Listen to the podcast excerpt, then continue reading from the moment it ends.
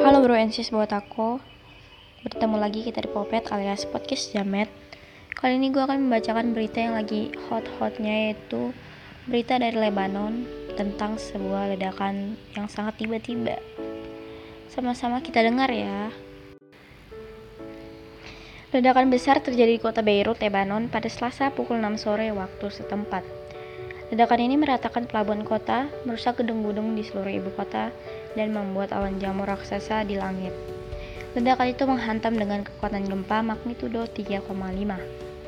Menteri Dalam Negeri Lebanon mengatakan, tampaknya ada sejumlah besar amonium nitrat di pelabuhan yang meledak.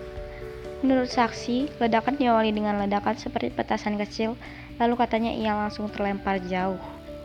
Kehancuran mendadak membanjiri sebuah negara yang sudah berjuang dengan pandemi, krisis ekonomi, dan keuangan yang parah.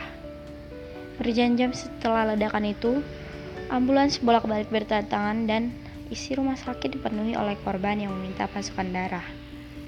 Banyak warga melaporkan mendengar pesawat di atas kepala tepat sebelum ledakan dimulai. Hal ini memicu desas-desus tentang serangan militer dari Israel. Seorang pejabat pemerintah Israel mengatakan Israel tidak ada hubungannya dengan ledakan itu terlepas dari konflik yang terjadi antara dua negara ini. Jadi sejauh ini disimpulkan bahwa ledakan ini murni kecelakaan.